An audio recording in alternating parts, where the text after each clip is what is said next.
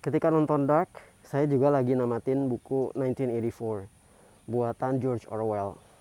Dan di bulan Juli lalu ada acara baca bareng bukunya George Orwell yang 1984 itu. Saya nggak sempat ikutan dan sekarang masih namatin versi audiobook yang disuarakan oleh bisa didapat dari openculture.com kalau mau dengerin juga.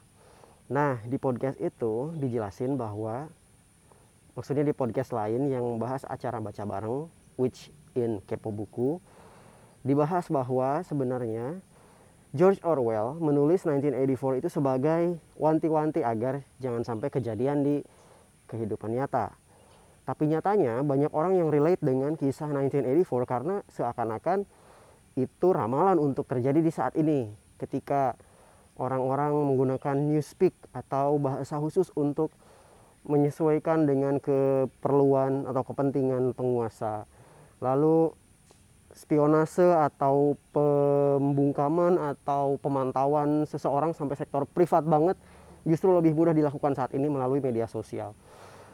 Meskipun sebenarnya buku 1984 dan Animal Farm itu sebenarnya kritik atas gaya pemerintahan totaliter di Uni Soviet yang kayak gitu gitu which sekarang tuh lebih mudah justru dengan adanya menurut bahasa Yuval Noah Harari digital dictatorship. Lantas saya jadi berpikir bahwa 1984 ini kok kayak bukunya H.G. Tannhaus ya. Travel Through Time. Kan ada penjelasan tentang bootstrap paradox. Ketika si Tannhaus disodorin buku itu dan dikasih tahu bahwa ini dari masa depan. Si Tannhaus bilang sumber dari buku ini jadi sumir karena justru dari masa depan datang ke masa lalu untuk ditulis dan jadi buku itu ke masa depannya. 1984 juga kok kayak gitu ya ditulis tahun 48 tentang tahun 84 dan bercerita tentang sesuatu yang seakan-akan uh, akan terjadi gitu dan memang terjadi. Selain itu ada juga kemiripan lain antara Dark dan 1984. Artinya begini, di podcast yang tadi saya ceritain ada testimoni pembaca yang bilang bahwa dia depres dengan kondisi 1984 yang ternyata jadi nyata di paradigma dia.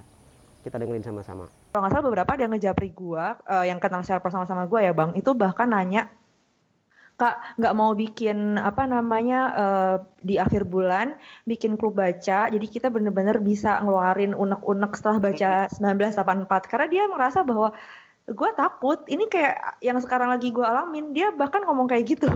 Gila sampai ada yang begitu? Dari situ kan kita bisa menghubung-hubungkan nih si Yonas dan kawan-kawannya warga Winden juga kan stres dengan kondisi waktu yang seakan menjebak mereka. Mereka pengen keluar dari loop itu. Jadi ya sama kita juga ingin keluar dari kutukan 1984 toh. Jadi uh, petuah Nietzsche bahwa kita itu mesti menjalani hidup seperti seakan-akan hidup di dalam waktu yang ada di bidang datar yang membentuk tanda infinity itu ya seperti tidak terhindarkan karena kita dikutuk oleh sistem. Kalau menurut bukunya Sapiens ya. Menurut podcast lain yang saya dengerin malas baca katanya kita tuh kewalat oleh sistem.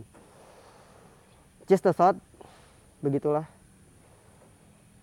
yang muncul ketika saya dengerin beberapa podcast dan baca buku 1984 dan nonton film Dark. See you di pembahasan berikutnya